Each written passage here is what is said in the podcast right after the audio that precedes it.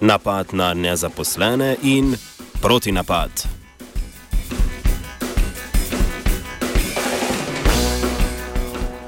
V soboto so se v Minsku in drugih beloruskih mestih ponovno V soboto so v Minsku in drugih beloruskih mestih ponovno potekali protesti proti vladnemu zakonu, ki ljudem, ki so nezaposleni več kot pol leta, nalaga plačilo izpada davkov. Belorusi, ki so se odvijali na tako imenovani Dan svobode, ki ga Belorusi obeležujejo na dan ustanovitve republike leta 1918, niso dobili državnega dovoljenja.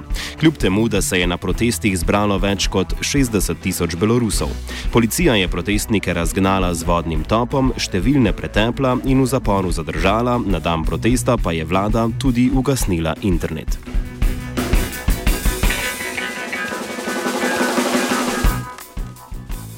Potek protestov in zahteve protestnikov predstavi Laksej Lovančik, vodja akcije zbiranja sredstev za družine dlje pridržanih protestnikov.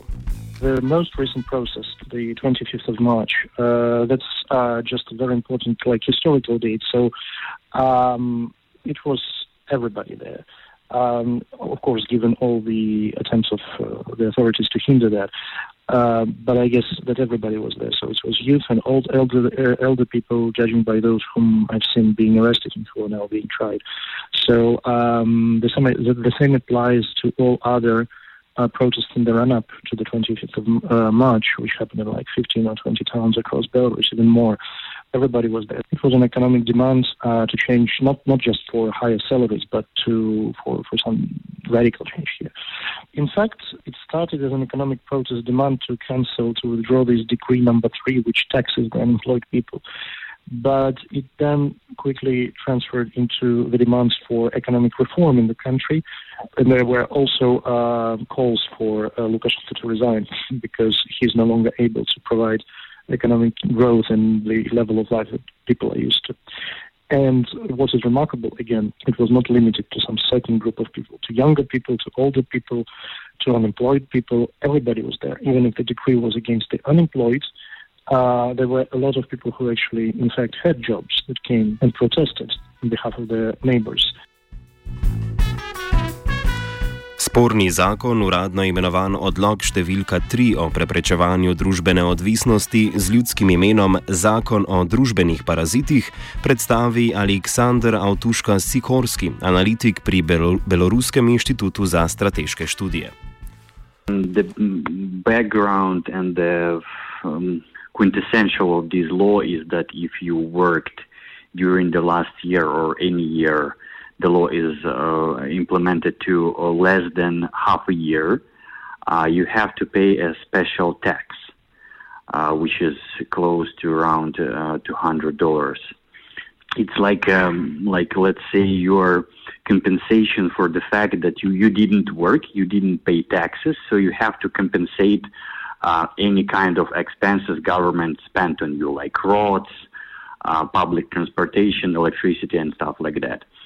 So uh, yeah, and the problem is that uh, well, the law is let's say written in a very wide way, and many people who, for example, are housewives, people who that just doesn't want to work because they uh, earned enough money to live for years, or people who are actually unemployed.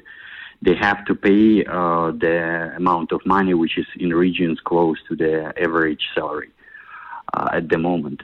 Well, basically, the law was not implemented right now. It was like introduced a year or a year and a half uh, ago, and uh, the basic idea was to tax shadow economy because uh, now in Belarus, around 35 or 40 percent of economy is in shadow. But as usual, they uh, just took some legislation from Soviet times, which now works not very well. Zakon je bil spisan leta 2015. V zadnjih mesecih leta 2016 je ena petina prebivalstva dobila obvestilo o plačilu, kot zadnji rok plačila pa je bil določen 20. februar.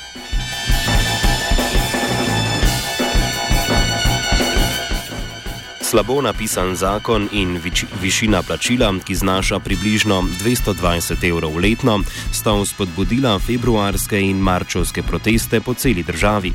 Povprečna beloruska plača znaša 350 evrov. Upor je zaobjemal tudi podpisovanje peticij, neplačevanje nove davščine na nezaposlenost in ulaganje pritožb na sodišča, ker so prejeli obvestila o tem davku, čeprav so bili zaposleni.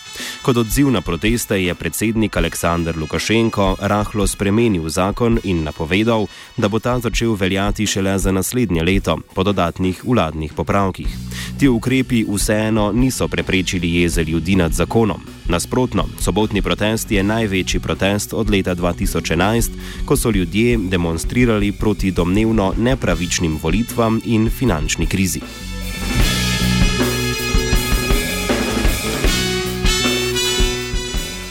Vzroke za ustrajno jezo ljudi pojasni Aleksandr Avtuška Sikorski, analitik oziroma analist pri Beloruskem inštitutu za strateške študije.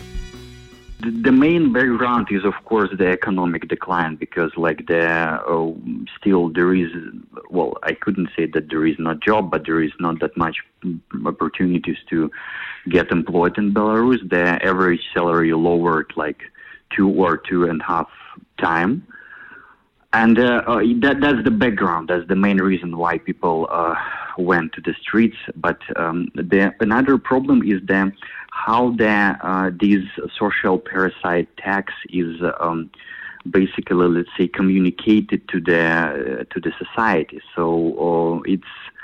Um, this legislation calls people social parasites, and many people are upset and they're angered because they're actually not social parasites. Many of them worked for many years, and just because of the fact that for some time they are jobless, unemployed, and they are called by the government social parasites.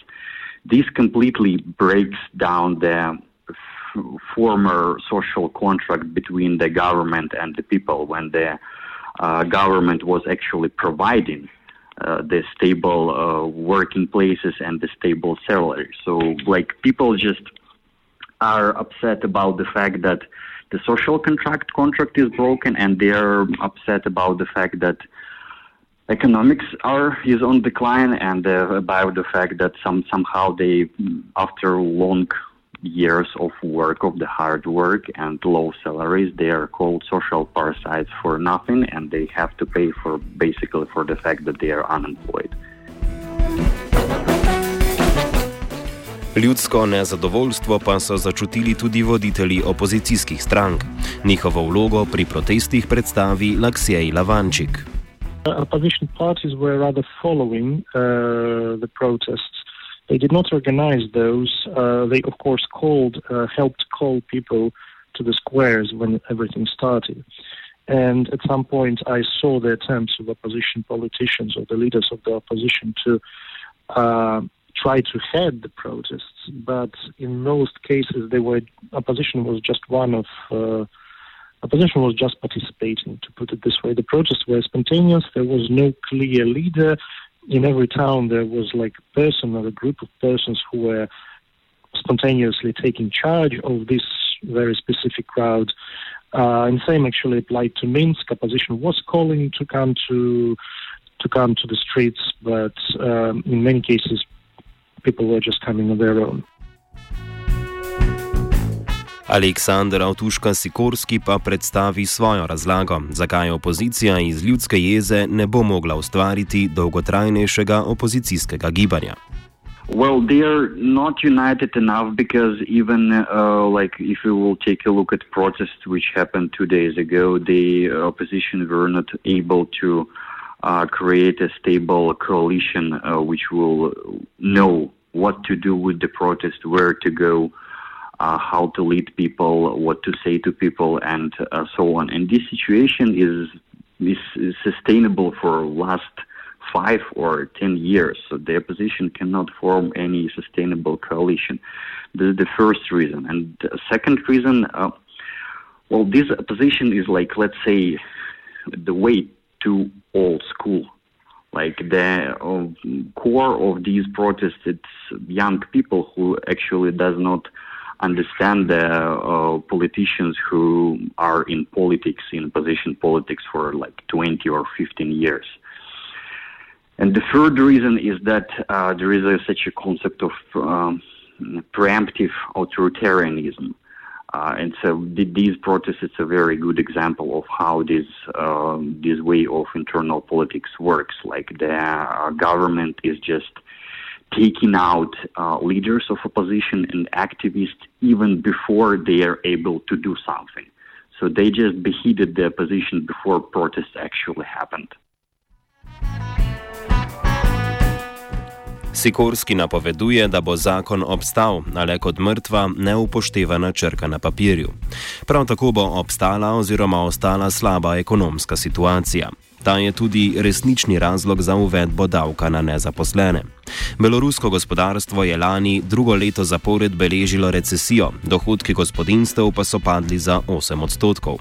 Trenutno je po uradnih podatkih v Belorusiji brezposelnost sicer 6 odstotna, mesečno nadomestilo iz Zavoda za zaposlovanje pa znaša le približno 4 dolarje.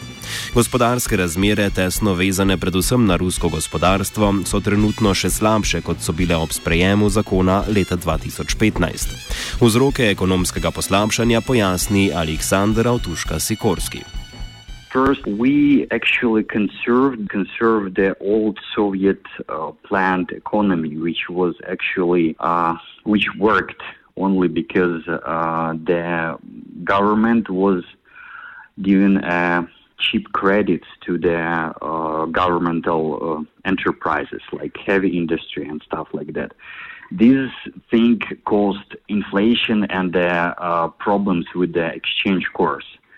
And now the uh, how the question is how we were able to provide this kind of uh, like uh, positive monetary monetary policies that we got a lot of subsidies and credits and uh, discounts on oil from Russia. So it's only Russian subsidies what was keeping Belarus uh, on the wave.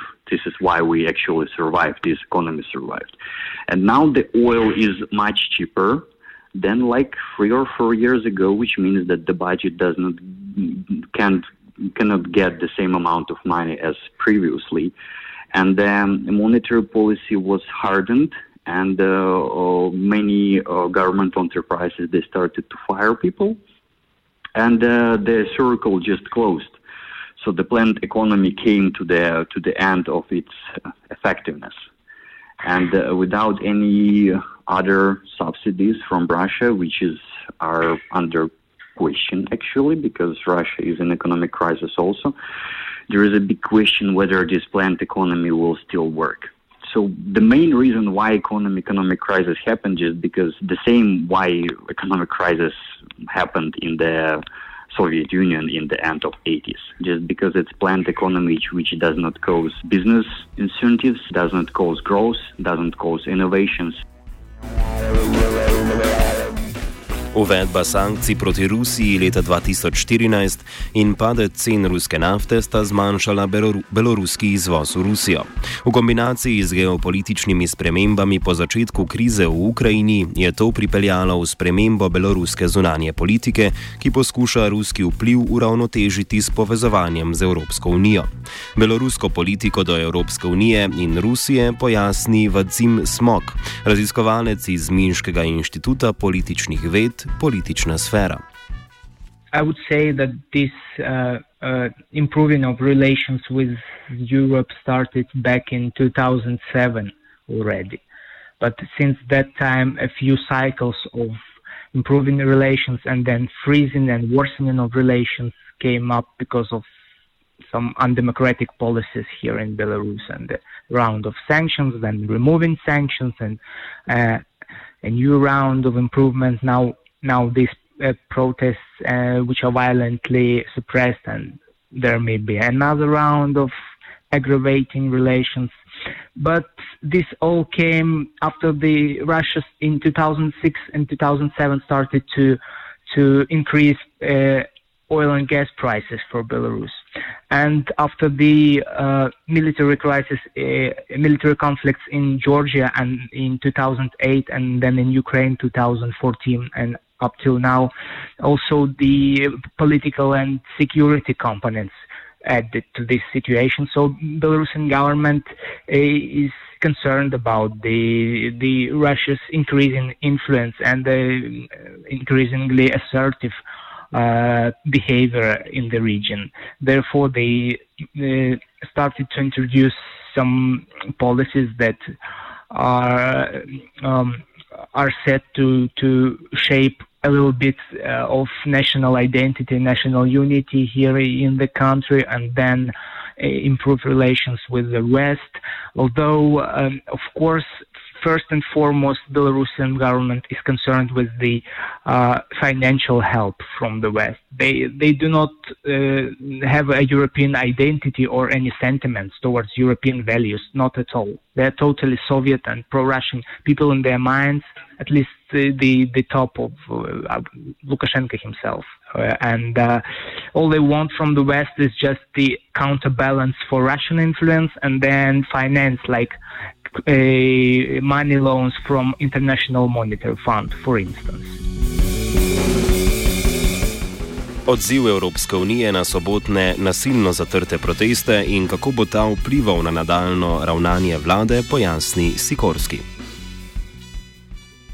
As, as, as we can see now, the European Union did not react that that much negative to what happened at uh, two days ago. And I don't think that uh, that kind of brutality will continue because uh, they well um, they over uh, the government overreacted actually with uh, protests two days ago. They really overreacted, and I think they are clearly understand that because they remember what happened after 2010 that we had uh, relations with the European Union on the biggest decline ever, most probably.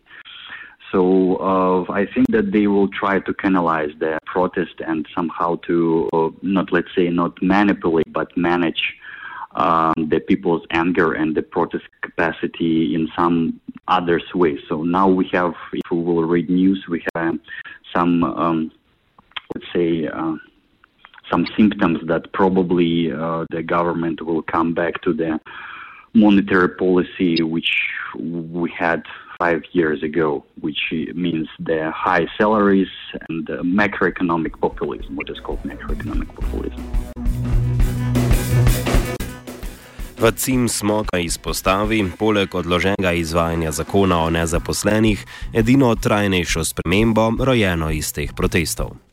The thing which is, which is important is that uh, the moves the and the public attitudes towards politics is changing and Belarusians uh, have uh, less fear in uh, in in in the uh, before the authoritarian regime because previously most of most of them were satisfied with this social contract and just satisfying their basic needs and it's fine and now people are demanding something else that Lukashenko should should go that he's a dictator and it's not not good. I mean that, that the situation is not the, the constitution is not working here in Belarus etc etc so the moods of the people is changing and it's quite visible